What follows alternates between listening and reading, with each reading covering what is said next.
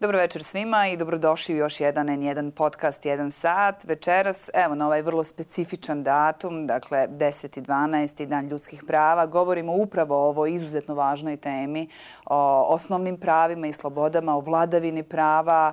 A, nisam sama u tome, pomoće mi sjajna ekipa iz e, OSCE-a, misije OSCE-a u Bosni i Hercegovini i mnogo im hvala na tome. Najprije da ih pozdravim pa ću onda elaborirati zašto mi je važno o ovome govoriti. Gospođa Halisa Skoplja koja je vede šefica odjela za vladavinu prava, jesam dobro, pri misiji OSCE u Bosni i Hercegovini. Hvala vam lijepo. Hvala vam na pozivu. Što ste tu. I gospodin Igor Ličina koji je savjetnik u odjelu za ljudska prava misija OSCE u Bosni i Hercegovini. Dobro nam i vi došli. Dobar dan, hvala vam na pozivu. Jel se slažete sa mnom da, da ne bih nekako rekla da ne govorimo o ovim stvarima, o ovim temama, dakle osnovnim pravima, slobodama, vladavini prava, ali da makoliko govorili čini mi se ne dodirujemo onu suštinu ili suštinski, počevši od mene, nismo svjesni šta to zapravo znači. Ili, ili sam potpuno profulila temu. Zašto je vama važno da govorimo o ovome? Evo, ko će prvi? Ko će probiti led? Hoćete vi? Ko će probiti led? Pa evo, mogao bih ja. Um, iako koliko god zapravo da govorimo o ljudskim pravima, uh, vjerovatno ne govorimo dovoljno. Zato mhm. što su ljudska prava od izuzetne i izvanredne važnosti za živote svih nas. Um, ljudska prava, iako uh, su mnogo kao termin eksploatisana, zapravo nisu nikakav um, nikakav star fenomen. Govorimo o ljudskim pravima tek unazad možda jednog ljudskog mhm. vijeka. Um, ove godine ćemo proslaviti 75 godina od usvajanja opšte deklaracije o ljudskim pravima i to je vrlo važan jubilej, vrlo važna godišnjica. To je datum kad je uh, Generalna skupština Ujedinjenih nacija usvojila opštu deklaraciju i od koje je na neki način u modernom smislu uopšte i govorimo o ljudskim pravima onakvim kakvim ih poznajemo danas. Svakako bih voljela da malo preciznije definiramo šta zapravo podrazumijevaju osnovna prava i slobode, ali evo, htjela bih čuti gospođu Skopljak, zašto je stvarno važno da evo i u ovakvim emisijama nešto um, opuštenijeg karaktera uh, govorimo o ovim temama? Pa za Bosnu i Hercegovinu vrlo važno, uh, budući da mi jesmo postkonfliktno uh, društvo koje stremi demokratskim standardima koji stremi da se pridruži Evropskoj uniji i to podrazumijeva i e, standarde u domenu ljudskih prava. E, znamo, mislim da je opšte poznato, da je e, Ustav Bosne i Hercegovine e, prihvatio niz e, standarda međunarodnih i oni su primjenjivi u Bosni i Hercegovini. Bosna i Hercegovina jeste članica velikog broja međunarodnih organizacija koji postavljaju standarde u, u domenu ljudskih prava. I u tom smislu to što imamo u zakonoda, ustavnom i zakonodavnom okviru Bosni i Hercegovini ima smisla samo onda kad se stvarno u praksi i primjenjuje. I kad ljudi, znači svaki pojedinac u Bosni i Hercegovini, može uživati ta zagarantovana prava koja su predviđena već zakonodavnim okvirom. To bi onda zapravo bila vladavina prava. Mm. Kada, to bi bila kada se e, prava, poštuju jest. prava koja su zakonom zagarantovana, Tako. nemali broj puta čujemo ovdje, i to je istina, morat ću se složiti kako mi imamo solidne zakonske okvire, a, međutim, kako je najčešće sporna njihova implementacija. Ali doći ćemo svakako detaljnije e, i do toga. Da se vratim na ono od malo čas kada govorimo o tim pojmovima. Evo, da krenemo onako skroz od početka, malo preciznije u odnosu na ono što ste malo čas objašnjavali. Šta tačno podrazumijeva pojam osnovnih prava i sloboda? Obično se govori o terminima ljudska prava i osnovne slobode. Um, u početku je bio taj jedan dokument koji sam na početku pomenuo. Deklaracija sama po sebi i samo ime kaže je nekakve deklarativne prirode. Zemlje koje su u tom trenutku potpisale taj dokument, Jugoslavija je bila jedna, jedna od njih i pripremala deklaraciju i sve ostalo. Dakle, moralo je proći niz godina, nekih, neke dvije decenije prije nego što je ta deklaracija pretočena u prva dva pravno obavezujuća dokumenta. I to su bili takozvani paktovi. Jedan je bio o građanskim političkim pravima, drugi je bio o ekonomskim, socijalnim, kulturnim pravima. Unutar tog korpusa prava koje prepoznaje Međunarodni pakt o građanskim političkim, izdvaja se nekoliko njih koje nazivamo osnovnim slobodama i to je ono što konkretno to je dio programa unutar misije OSCA koji mm -hmm. konkretno ja vodim. Um, a ta osnovna prava, u smislu kako ih prepoznaje međunarodno pravo i mi kao misija, se odnose na pravo kupljanja, pravo udruživanja, pravo izražavanja, uključujući i prava medija ili slobode medija i slobode vjere ili uvjerenja. I to, to je nekakav naj, naj, najopštija podjela. Um, u prvim vremenima su se pominjale još neka, neke osnovne slobode. Recimo, sloboda od straha. To su, uh, što je vrlo zanimljivo. Sloboda od straha? Sloboda od straha, da. Kao da se taj, slobodno možemo plašiti ili, um, ili ne, da smo oslobođeni straha? Da smo oslobođeni od straha. Vidite kako to dvojako značenje može biti. I sloboda od uh, potreba, ali to su neki sad već malo arhaični koncepti. Mm -hmm. Dakle, ono što sam rekao kao podjelu uh, je ono što se uglavnom danas podrazumijeva i smatra osnovnim slobodama. Uh, s obzirom na to da se ulažu poprilični napori da se realizuju uh, osnovna prava i slobode, zašto ih u praksi evo da se ovako izrazim, nema, nema poštivanja, nema u zadovoljavajućoj mjeri poštivanja um, osnovnih prava i sloboda. Svakako da ćemo detaljnije govoriti mm -hmm. o mhm. slobodi medija, ne zato što smo mi jedan medij, nego što ja negdje vjerujem, voljela da i vi to pojasnite ljudima, da je to zapravo sloboda koja nas se negdje svi utiče. Apsolutno. Da. Zašto u sve napore, ne samo misije OSCE, nego napore uopće, i dalje imamo ambijent u kakvom živimo. Vidite, to je malo paradoks, zato što po definiciji građanska politička prava su ona koja možete uh, osigurati odmah i da budu primjenjivana odmah, kao što su sve ove osnovne slobode koje sam, koje sam pominjao.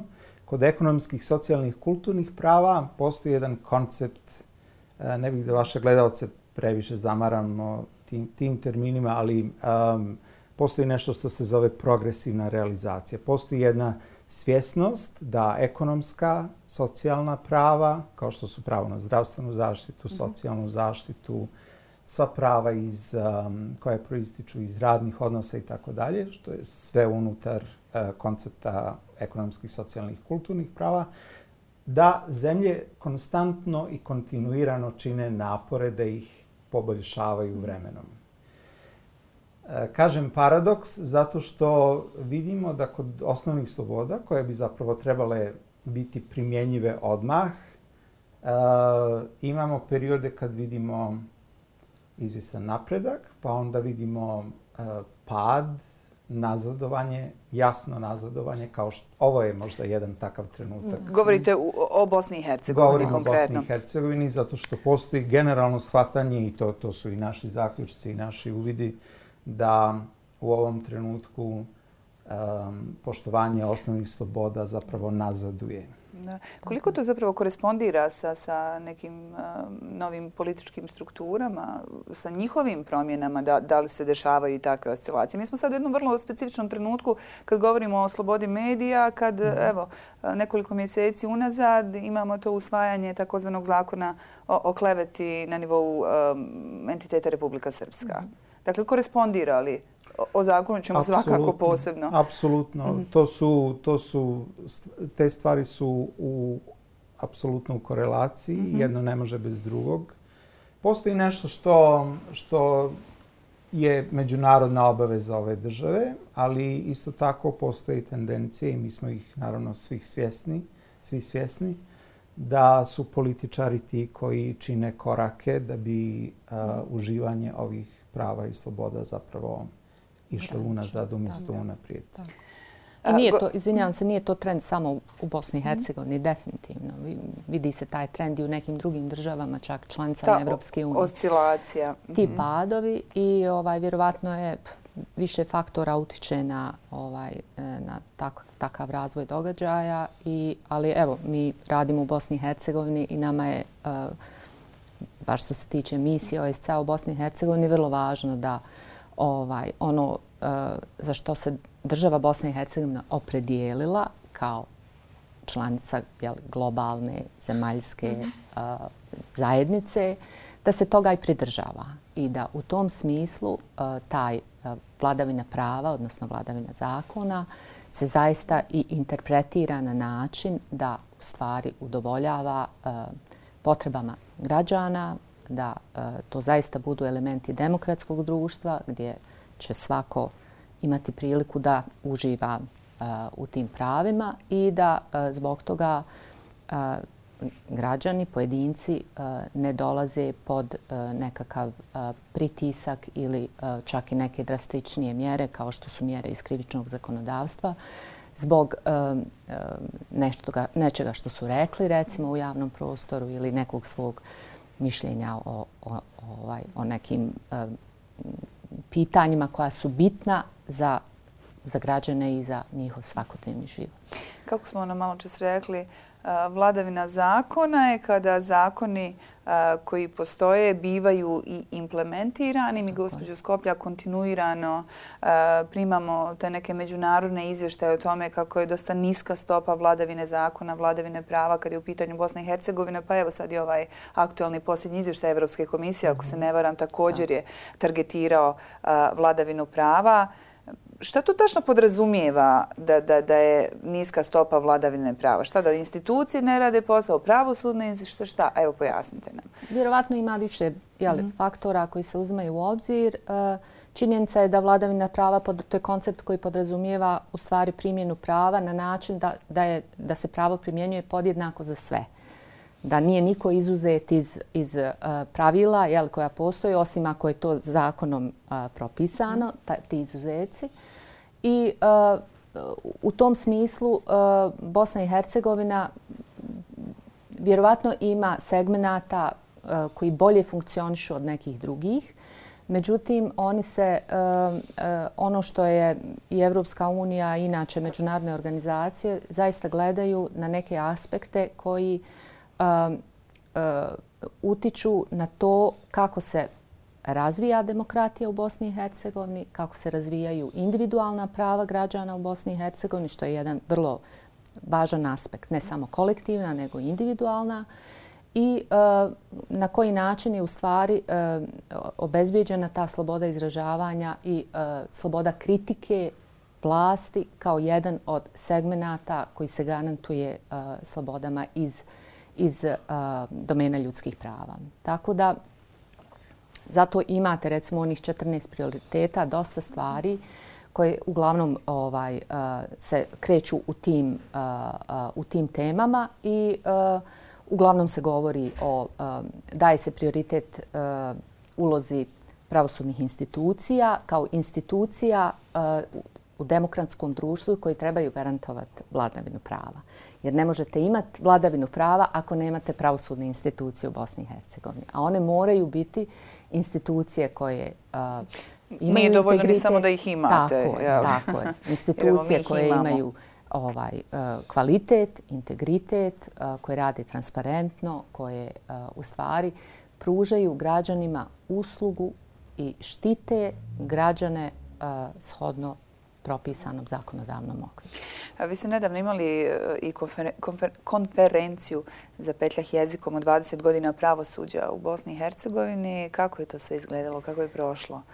Dobro je bilo. E, bila je to dobra prilika da se podsjetimo na taj e, proces koji se desio prije 20 godina. To je zaista bio jedan proces bez da kažem presedana ovaj, i u Bosni i Hercegovini, možda bilo gdje. Drugo, praktično su preko noći se desile neke reforme koje su trebale u stvari odgovoriti na prepoznate izazove s kojima se susretalo pravosuđe prije, prije tih reformi. I to je uglavnom se odnosilo na neovisnost, na efikasnost pravosuđa, na, ovaj, na taj neki um, sistem koji je treba u stvari osigurati da uh, građani imaju adekvatnu zaštitu pravosudnog sistema. I mi smo uh, pošto već dugo godina pratimo rad krivičnog pravosuđa u Bosni i Hercegovini, se opredijeli da ove godine obilježimo tu 20. godišnicu i na način da u stvari kako to misija već dugi niz godina i radi, e, da obezbijedimo nekakav siguran prostor gdje će različiti akteri Bosansko-Hercegovačkog društva, uključujući pravosuđe, ali, ali i druge, u stvari imati nekakav siguran prostor gdje će moći e, otvoreno razgovarati o temama koje su aktuelne u, u ovom domenu. I mislim da smo to uspjeli. Jesu li? Mislim da smo, da smo uspjeli, bez obzira na uh, sve ovaj politički uh, ambijent koji zaista ne, ne, uh, nije inkluzivan, jel? Ovaj, insistira na tim nekim podjelama koji su velikim dijelom, ja bih rekla, ovaj, eh, neosnovane. Eh, eh, mislim da jesmo uspjeli, okupili smo zaista praktičare i, i druge aktere u Bosni i Hercegovini i bilo je predstavnika iz regiona, što je za Bosnu i Hercegovinu vrlo važno. I uh, adresirali smo teme, uh, pogledali smo malo unazad u tih 20 godina da vidimo šta je urađeno, koliko je postignuto i dosta jeste, zaista. E, I gledali smo unaprijed šta je to što Bosnu i Hercegovinu čeka u tom domenu i gdje bi dalje se trebalo... I čega se pretpostavljam izveli neke zaključke i preporuke. Izveli smo, izveli kako ukratko evo, oni glase? Znam ukratko, da je nemoguće sad sažeti kompletnu konferenciju. Tako ali... je. Uh, reformski procesi moraju biti inkluzivni i moraju uključivati uh, i svi budući. Čujemo sad dosta priče o reformama, reformskim procesima pri, na ovom putu za, za Evropsku uniju i tako dalje. Takvi procesi se ne mogu, ne mogu dešavati preko noći. Oni moraju zaista biti inkluzivni, moraju se temeljiti na podacima i moraju se temeljiti na a, procjeni potreba jednog društva. A, ne može se nešto raditi da kažem kolokvijalno na pamet. Znači, mora se imati solidna informacija o tome šta dobro funkcioniše, šta ne funkcioniše i da se na osnovu toga onda dalje... Čija je obaveza da... da... Institucija. Uh mhm. -huh. Prevashodno institucija, ne samo pravosudnih i drugih koje se vežu za pravosudni sistem u Bosni i Hercegovini, kao što izvršna vlast, ministarstva i tako dalje. Ovaj, I uh, to, ta, taj proces znači mora biti inkluzivan, mora biti uh, mora odgovarati potrebama i nekakvoj realnoj uh, analizi i mora imati tu institucionalnu podršku. I ona ne može biti samo de deklarativna.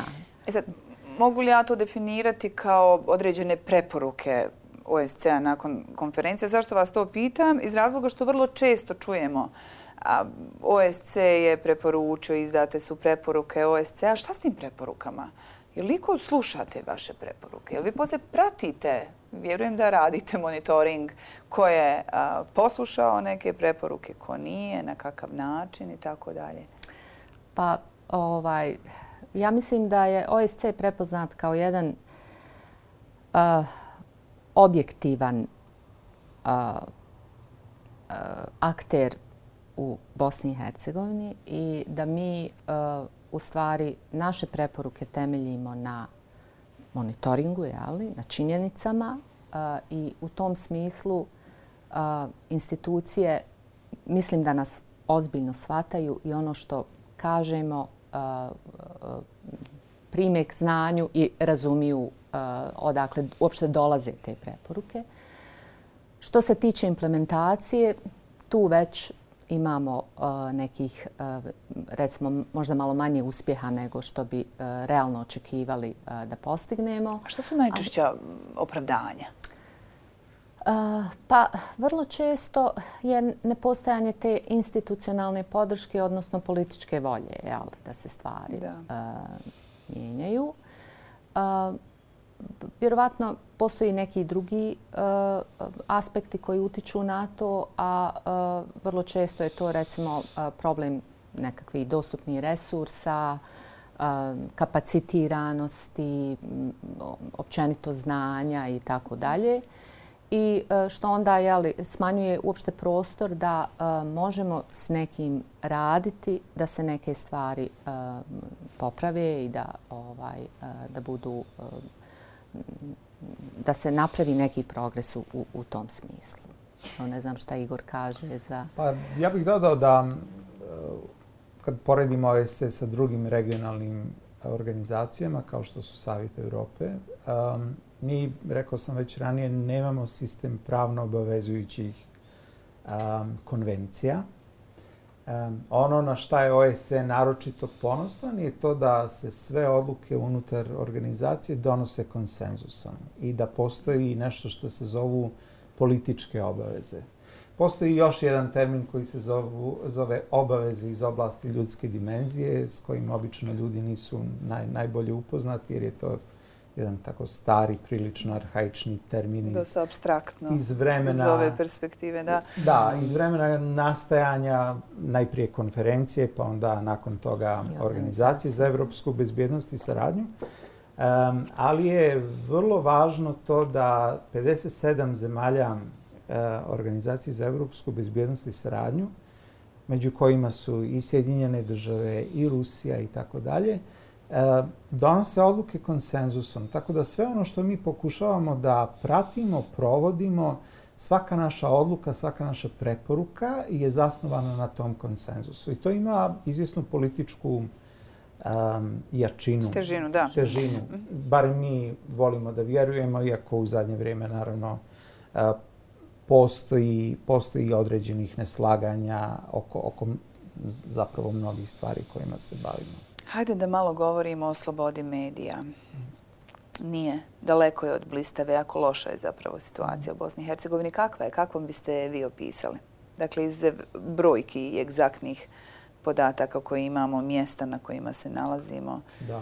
Dakle, Kako je bila deskripcija? E, mjesta na kojima se nalazimo zapravo manje više svi znamo. Poražavajuća, kontinuirano. Tako je. E, zapravo negdje od 2017. ili 2018. ove godine se nalazimo na još nižem mjestu nego što smo inače bili, na 67. po onome što barem kažu reporteri bez granica koji vode indeks koji je nekako um, referenca za, za stanje medijskih sloboda. A, mislim da svi koji živimo u ovoj zemlji otprilike znamo koji su, koji su to problemi. Um, znamo na koji način se tretiraju novinari, tretiraju mediji. Uh, znamo koji su izazovi vezani za njihovu bezbjednost. Um, mi obično, obično godišnje registrujemo nekih 40 uh, e, slučajeva barem kad smo mi u pitanju. Dakle, postoje neke nijanse, različite organizacije koje se bave pitanjem medijskih sloboda. Ono što OSC godišnje obično registruje tih nekih 40-ak, međutim... 40-ak? slučajeva napada. Napada na novinara, o tome govorimo, da, dobro. O tome govorimo. Um, ovaj put je nešto više, evo, početak je decembra, mi imamo oko 50 koji smo mi izdvojili na, ono što mi nastojimo je da, da se ovim, kao i svim drugim pitanjima, pokušamo baviti na jedan sistematični način. A, Halisa je rekla, a, odgovornost je naravno institucija. OSC nije tu da zamijeni ni policiju, ni tužilace, ni pravosuđe. Oprosti, digresilo se. Nekad mhm. čini da, da pojedini predstavnici institucija očekuju da, da ih vi trebate mijenjati. Imate neka takav dojam? Pa ne bih rekao, ne znam.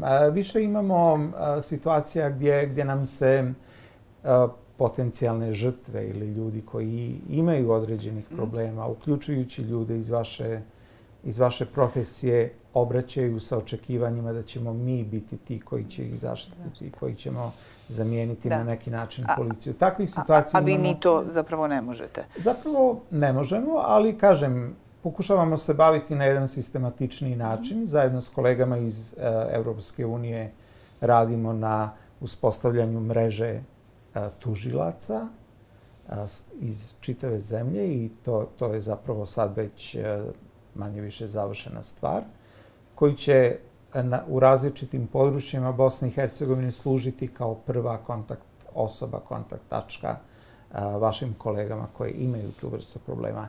Isto to radimo i sa, a, sa mupovima, dakle sa svim mupovima u zemlji. I to su neki način, pored našeg redovnog monitoringa, praćenja određenih um, predmeta pred sudom i tako dalje. Um, šta dalje? Naravno, vjerujem da, da ćemo razgovarati tokom, um, tokom ovog, ove emisije i o o nekim novim zakonodavnim Evo, bih, baš, inicijativama. Da, baš, baš ste mi uzeli riječ iz mhm. usta. Kažete, iako smo u jednom trenutku, vjerovatno misli, ne možemo niže pasti na toj ljestvici mjerenja slobode medija, pa do smo, i evo kažete da raste broj napada na novinare.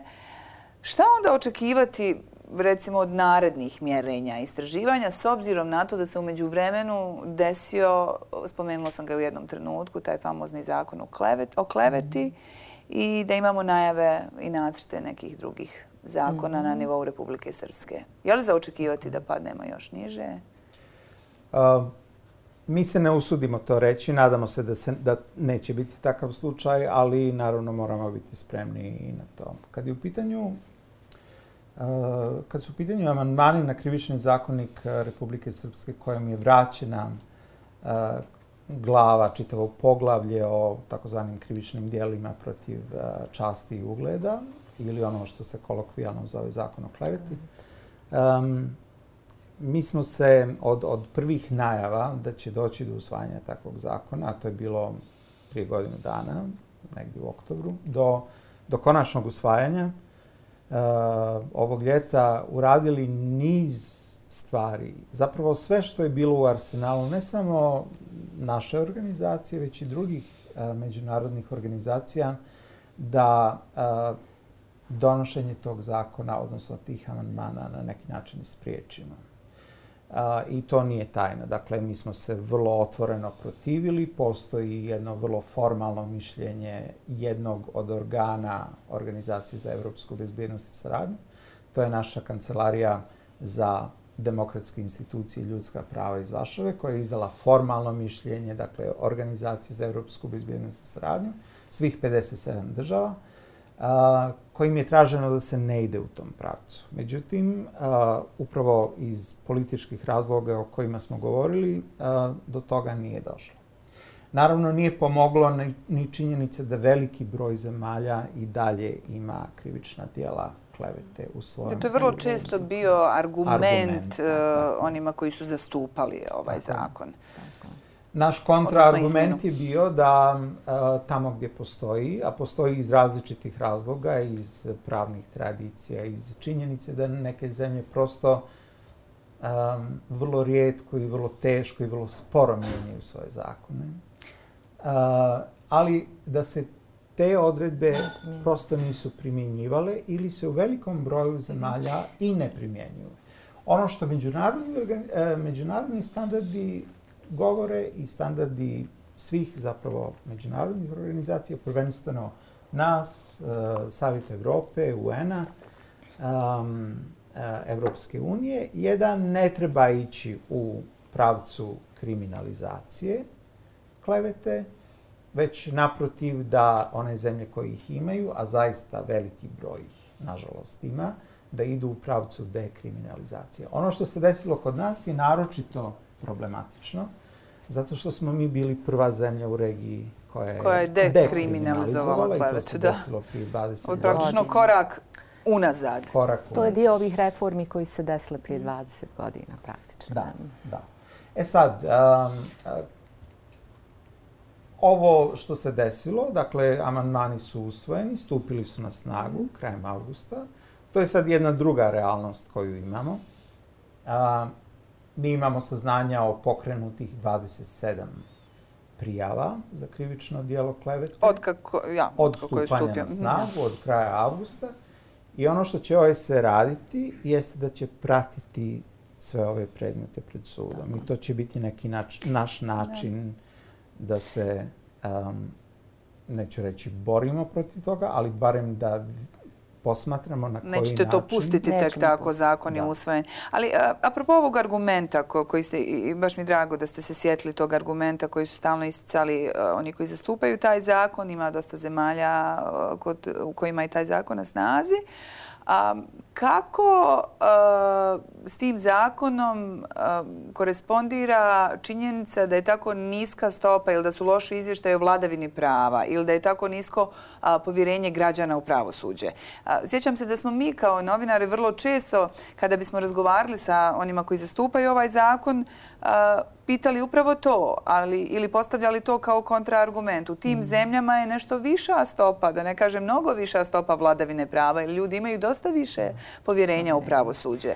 Pa, je li to u vezi? Je li to dodatni razlog za, za strah od ovakvog zakona? Pa, definitivno ne pomaže uh, ovaj, naša ova situacija i nisko povjerenje. Uh, tako da tamo gdje je visoko povjerenje, pretpostavka je da vlast neće zloupotrijebiti zakon protiv svojih jel, građana. Ovaj, I u tom smislu naša je situacija jel, drugačija gdje se očekuje već u startu da, da, da će doći do nekih zlopotreba, da su e, prijave političke prirode, da se želi e, specifični ljudi ušutkati, jeli, oni koji kritikuju vlast i tako dalje. I uh, mi ćemo, kao što je uh, Igor i rekao zaista e, pratiti kao i veliki niz drugih krivičnih dijela koji, koje pratimo pred sudovima Bosne Bosni i Hercegovini. Pratit ćemo i, i kako pravosudni sistem, krivično, jel, krivični pravosudni sistem u stvari odgovara uh, na, na ovakve prijave i uh, uh, u tom smislu uh, vjerovatno u nekom predstojećem periodu i, i ovaj objaviti neke, neke naša saznanja iz tog monitoringa. Možda je još važno reći da u državama gdje je više povjerenje u rad pravosuđa koje imaju ove odredbe je vjerovatno bolje razvijen i taj medijski zakonodavni okvir gdje se postavlja malo više, malo više su postavljeni standardi odgovornog medijskog Da, to su ni brojni zakoni koji se tiču medija koji u Bosni i Hercegovini nikad nisu nema, definirani. A toliko godina se na njima insistira upravo da se uredi taj medijski prostor na malo, na malo bolji način. Da probam ovako da vas pitam apropo te niske stope povjerenja građana u pravosuđe. Je li opravdano što, što građani imaju tako... Pa znate šta, percepcija, je li ta... Što, što uopće utječe, utječe na... Ja mislim niz faktora da utječe. Mhm. Nije to jedan faktor, to je sigurno niz faktora i to je nekakav subjektivni osjećaj je li, pojedinca prema onome što, što, mu, što se dešava unutar, unutar tog pravosudnog uh, sistema. I ja i Igor možemo u potpuno identičnoj situaciji imati različitu jel, percepciju. Uh, na Kao osnovu, i o bilo čemu drugom. Jeste, na osnovu vlastitog tog iskustva. Međutim, činjenica je da E, se vrlo često kaže da je percepcija ponekad važnija od činjenica. I puno je teže razbiti negativnu percepciju i puno više truda treba da se to uradi od onog nekakvih redovnih, redovnih poslova. I uh, vjerovatno u nekim slučajevima percepcija loša percepcija jeste opravdana, ali možda ne u svim. Ono što smo mi mogli vidjeti, rađeno je više studija oko percepcije građana prema, prema e, pravosuđu. OSC je nije radio, ali jesu neke druge relevantne organizacije. Uglavnom na percepciju e, vrlo loše utiče e, dužina trajanja postupka, recimo. Nešto što se godinama ne može riješiti. Osjećaj nepravedne odluke, jeli, neko je vrlo nezadovoljan i nelogičnost neke odluke jel, koja je donesena.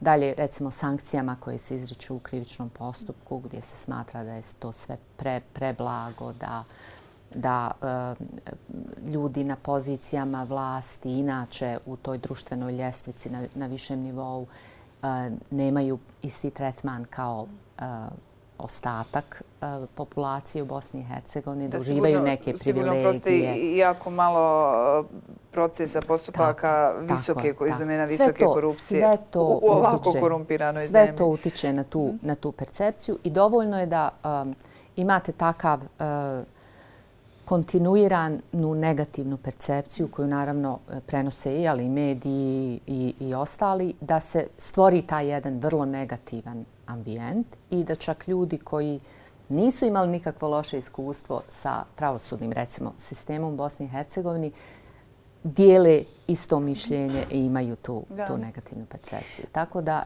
Šta bi negdje bilo, pa neću reći obaveza, nešto što građani mogu napraviti, evo, čisto vaše neko promišljanje, što građani od sebe mogu napraviti da bi poboljšali generalno i e, standarde vladavine prava u ovoj zemlji, pa eto i vlastitu percepciju o stanju u pravosuđu? Ili su tu građani svezanih ruku? Nisam siguran da mogu najkompetentnije mhm. odgovoriti na ovo pitanje, ali sigurno da da.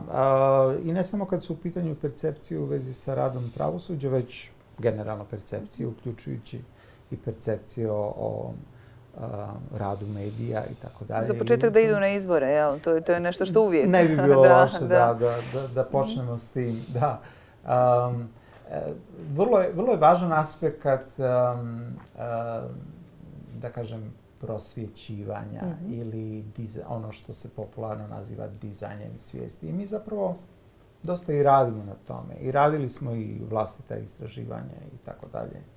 Um, svjesni smo naravno da tu ima mnogo, mnogo posla. Um, ono što sa svoje strane skromno pokušavamo da doprinesemo je da kontinuirano radimo na, na obukama, ono što je nama posebno važno je da da svi akteri i pravosuđe i mediji i tako dalje su za početak što bolje upoznati sa međunarodnim standardima. I u tom smislu imamo niz niz obuka i svake godine ih imamo i, a, i tako dalje. To je, to je recimo ono što mi u ovom trenutku pada na pamet da, da, da bi moglo da doprinese nekim boljim percepcijama. Um, a vidjeli smo svjesni ste i sami nekih vrlo nakaradnih percepcija, počevši od toga da je u jednom trenutku 75% neke populacije smatralo da je sasvim normalno opravdano napasti, pa čak i fizički novinara. Sjećamo se tih istraživanja. Um, percepcije su vrlo važne, to se slažem. E, bez obzira koliko se to nekad čini kao dugotrajan, mukotrpan posao koji ne donosi rezultate odmah i tako dalje. Um, ono što se zove dizanjem svijesti je zapravo vrlo važno. E to je ono što sam se u jednom trenutku um, pitala ili rekla da ćemo o tome razgovarati. Kako ljudima pojasniti, kako ih um, ubijediti jasno na temelju argumenta da se sloboda medija zapravo tiče svi u nas. Vrlo mhm. često, baš apropo tih argumenta, rezultata istraživanja, nema li broj puta mi novinari čujemo da smo, da smo zaslužili, da nam je previše i ovo sloboda što imamo, da smo u svrhu nekoga ili Evo, to je još jedna percepcija. I ne samo kad je u pitanju kleveta, iako je e, dugo postojao taj, e, taj trend izvještavanja ili govorenja oko toga kako će se zakon, krivični zakon ticati samo ili isključivo medija. E, na neki način su i vaše kolege to potencirale, obzirom da po prirodi stvari imate, imate mogućnost da, da, da brže i lakše doprete do, do, do šire publike. Ali ovi zakoni se apsolutno tiču svih građana. Um, evo, pomenut ću još jedan koji je naravno vrlo aktualan trenutno u Republici Srpskoj. Tiče se zakona o posebnom registru i javnosti rada neprofitnih organizacija. Taj famozni zakon o stranim agentima. U nacrtu? U nacrtu, da. tako je. Um, postoji percepcija uh, kako će se to ticati jednog vrlo malog broja neprofitnih organizacija, što naprosto nije, nije istina. Nije istina. To, to mi je važno. Dok da, da... ne dođu na red i oni koji nisu mislili da će ih se ovo ticati, a zaista hoće. Moglo bi nas se svi ticati. Da, jedno i drugo. A, apropo toga, kad spomenuli ste slobodu izražavanja među uh, slobodama o kojima smo na početku govorili, što Šta znači zapravo svako ima uh, pravo na slobodu izražavanja, na slobodu iznošenja vlastitog mišljenja? postoje li tu nekakva ograničenja? Mi vrlo često se pozivamo na korištenje ili na svoja prava, a da uđemo u zonu kršenja nekih tuđih prava, ako sam se uopće dobro izjasnila, mhm, objasnila, ali vjerujem da ćete mi vi sad tu pomoći. Svakako. Sve ove slobode o kojima govorimo od početka emisije mm, nisu apsolutna prava. Zapravo je vrlo mali broj apsolutnih prava. Čak ni pravo na život nije apsolutno pravo. Um, sloboda izražavanja nije apsolutno pravo. Ono može u nekim vrlo određenim, propisanim situacijama biti ograničeno. I država ima takvo pravo. Uključujući i to što ste rekli eh, da um, utiče na prava drugih. Eh, e sad, tu je vrlo tanka linija. Zapravo se svaka ova situacija mora posmatrati doslovno od slučaja do slučaja. Um, svaka ta ograničenja, i to je u nizu presuda, recimo, rekao Evropski sud za ljudska prava, ako će doći do bilo kakvog ograničenja u tom smislu od strane države, onda ta ograničenja moraju biti proporcionalna, moraju da imaju legitiman cilj i moraju uh, da da budu neophodna u demokratskom društvu. E sad, ove formulacije zvuče tako kako zvuče, ali je Evropski sud za ljudska prava zaista to secirao do najzadnjih detalja. Šta znači, na primjer, neophodno u demokratskom društvu? Um, uzmimo za primjer uh, nacrt zakona o posebnom registru.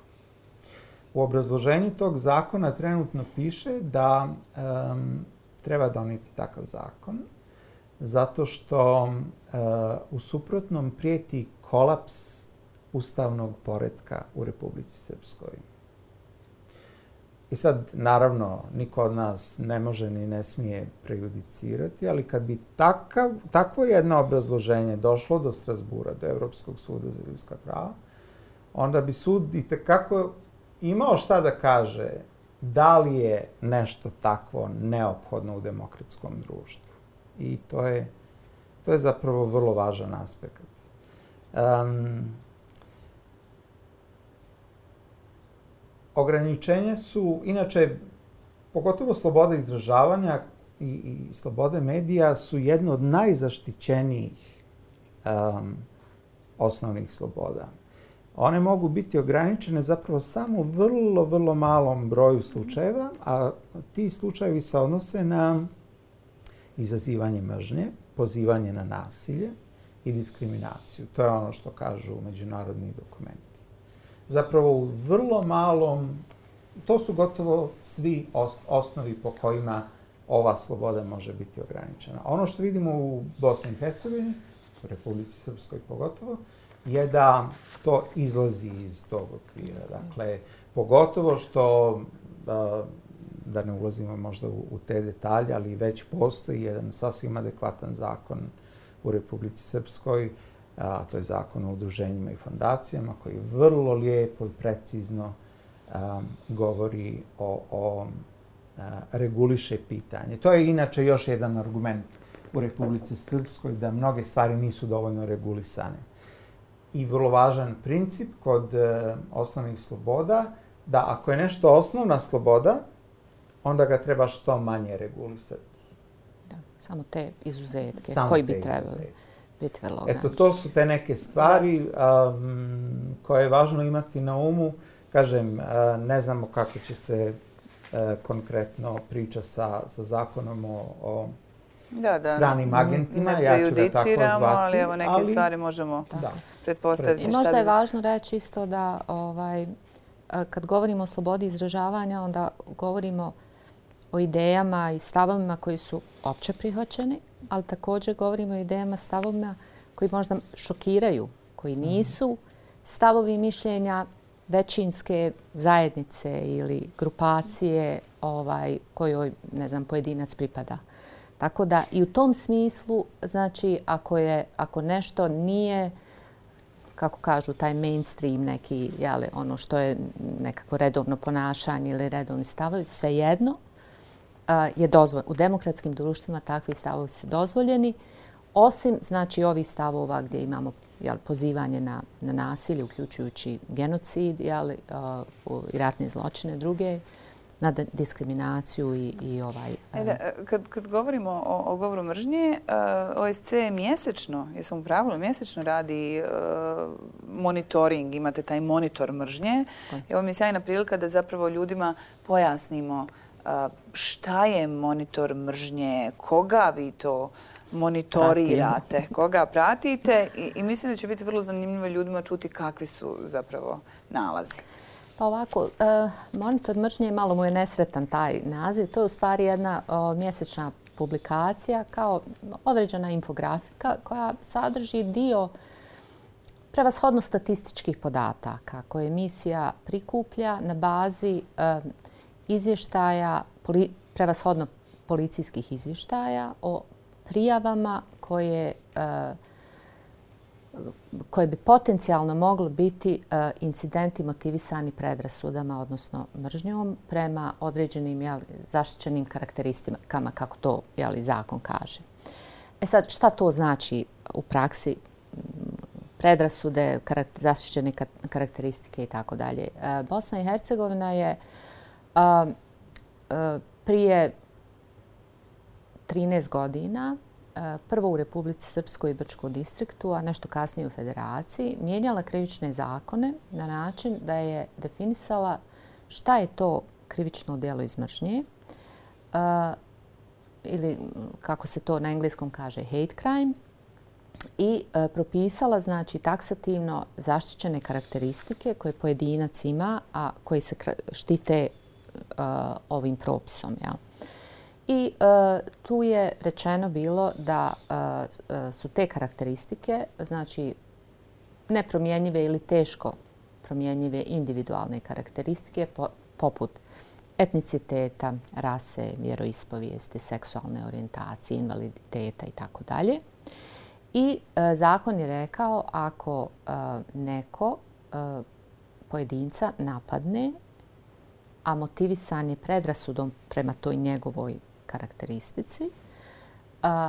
Krivično-pravni sistem Bosne i Hercegovine mora provesti istragu, rasvijetliti taj motiv u kojoj je on zaista postojao i učinioca takvog dijela kazniti strože nego što bi kaznio nekog, neku drugu osobu a, koja je počinila isto dijelo, a nije bilo motivisano uh, mržnjom. Predrasudom. Tako je. Dobro. I uh,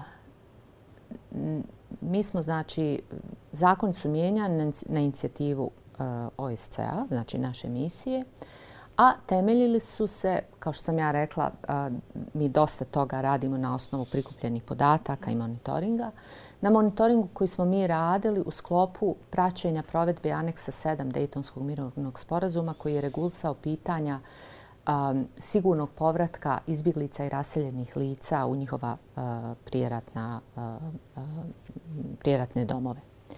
I već tad je, znači, nekad od 1997. pa nadalje, uh, zaista bilo evidentno da se ljudi koji su se koji su bili uglavnom manjinske etničke i vjerske pripadnosti, koji su se vraćali u svoje prijeratne domove nakon izbjeglištva ili raseljeništva, da su e, bili e, predmet napada. Ili oni lično, ili njihova imovina, ili neki, e, neki, neki recimo, drugi objekti koji su se vezivali za tu zajednicu, poput vjerskih objekata ili neke, nekakvih kancelarija ili, ili ovaj, spomenika, na primjer, i tako dalje.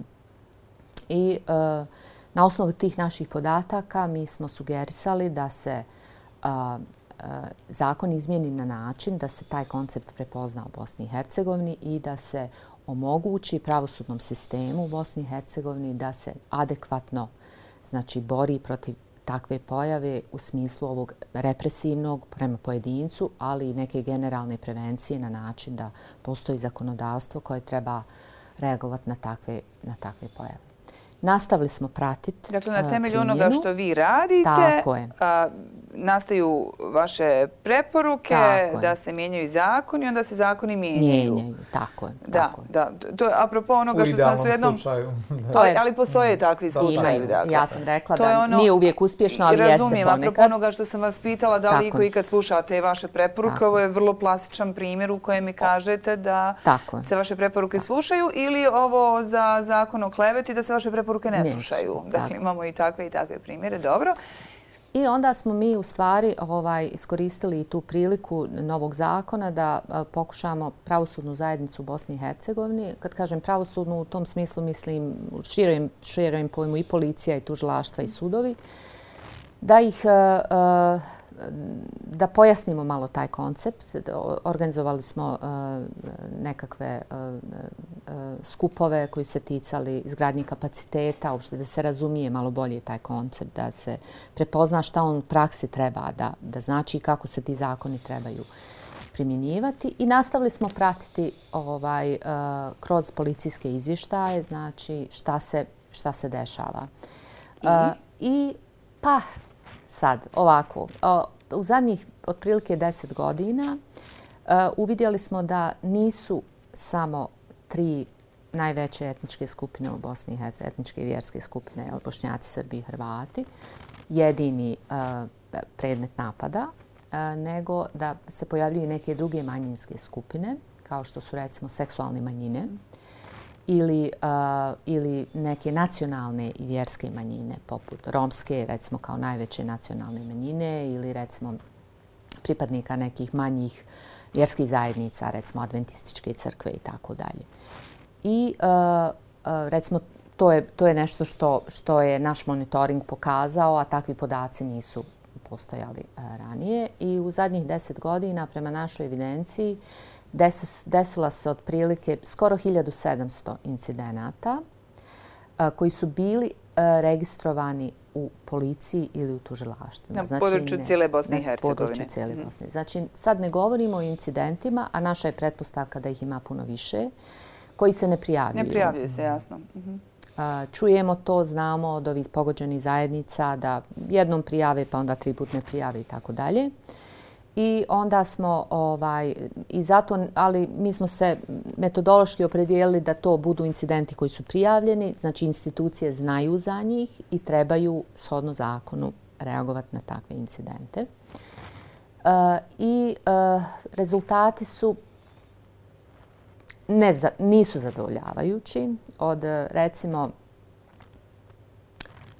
uh, otprilike 80% takvih incidenata ostaje u zoni prijave, znači u predistražnoj fazi. Počinjoci se uglavnom ne identificiraju iz različitih razloga i uglavnom veliki broj takvih prijava ode u zastaru, tako da neće dalje... Šta nam to onda kaže da, da institucije ne rade dobro svoj posao? Pa to može biti definitivno jedan Dobro, ja znam da vi to nećete reći tako kao što to ja kažem. ovaj, definitivno može biti jedan od zaključaka. E, znači, otprilike 20% prođe kroz, kroz pravosudni sistem na neki način. Bilo da se radi o prekršajnim e, postupcima ili krivičnim postupcima. I tu ima e, incidenata koji nisu samo krivična dijela izmržnje, znači gdje imamo krivično dijelo i, uh, i taj predrasudni motiv za njegovo izvršenje, nego ima i ovih e, dijela koji bi se uh, ovako, da kažem, uh, potpadali bi pod ovaj koncept govora mržnje.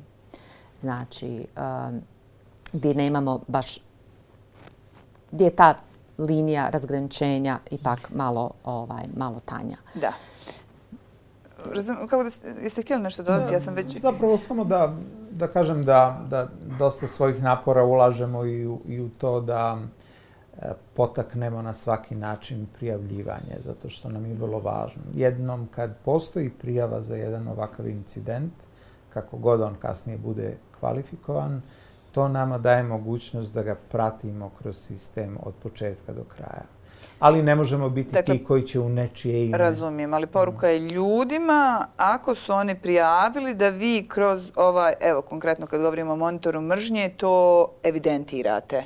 Tako. I da onda reagujete na način na koji možete da reagujete prema institucijama.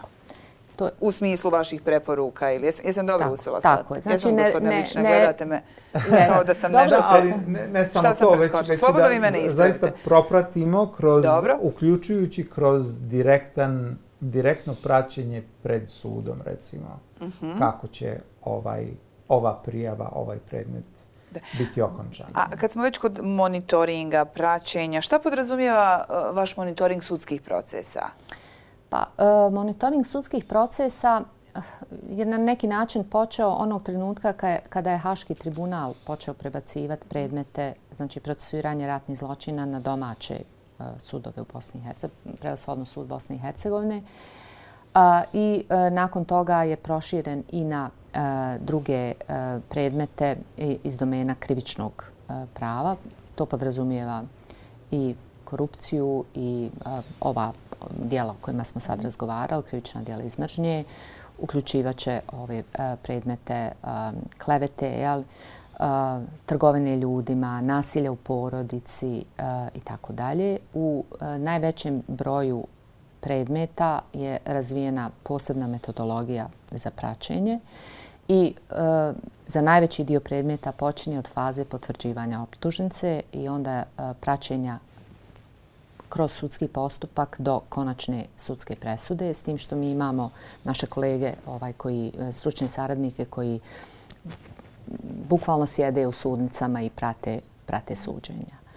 Ova, I izvještavaju uh, misiju o onom što se dešava u smislu procesa i ovaj, i onda mi na osnovu tih izvještaja u stvari kreiramo naše, naše e, mišljenja ali stavove pre, shodno određenim temama na kojima radimo. Zato uvijek ponavljam, vrlo objektivno, vrlo na činjenicama zasnovano, ovaj, zasnovani stavovi i preporuke. Ne znam, jeste li svjesni toga da nam je sat, evo za koji minut prošao, vrijeme e, brzo ide i drago mi je stvarno još jedan put da ga koristimo na ovakve teme. Ali evo, prije, prije nego što se pozdravimo, gospodine Ličina, šta bi još je e, i dan ljudskih prava, kako sam rekla na početku, šta bi bila još vaša neka poruka svim onima koji nas gledaju u ovom trenutku, evo možda i za jedno i za drugo? naravno, najprije da da poželimo sretan dan ljudskih prava svima koje nas gledaju. Hvala. Pogotovo imajući u vidu ovu vrlo važnu, važan jubilej, 75 godina. Mislim da će mnoge organizacije, prvenstveno UN, to adekvatno obilježiti. A, mi sa svoje strane uvijek svake godine pokušavamo na, na barem nekakav simboličan način e, također obilježiti ovaj, ovaj značajan datum. Um, e, Bosna i Hercegovina ima, je malo specifična zbog e, nekolik, zbog mnogih stvari, ali zbog... E, malo, speci, malo više specifično, dobro. Zbog dvije posebno, e, zato što smo se mi svojim ustavom obavezali, svim ustavima, koliko god da ih imamo, 14 u zemlji, obavezali na najviši stepen zaštite ljudskih prava. Mnogi ustavi to nisu uradili. Dakle, nismo se, i to je vrlo često argument kad razgovaramo sa, sa političarima i ministrima i tako dalje, zašto od nas tražite ovaj standard ili onaj standard? E, zato što u Ustavu Bosne i Hercegovine piše. Ili zašto, zašto niste tražili od Rumunije, Bugarske, mnogih drugih zemalja? Zato što zemalja? njihovim ustavima ne piše. Između ostalog. Dakle, naravno, postupak pristupanja Evropskoj uniji... Možda oni nisu da... svjesni toga. Pa trebalo bi da poznaju ustav. Nadajmo se da, da, da ga poznaju. Moralo bi, ali evo. A, a druga stvar e, je da e, Evropska konvencija o ljudskim pravima uživa izuzetno značajan a, status u našem u našem pravnom sistemu.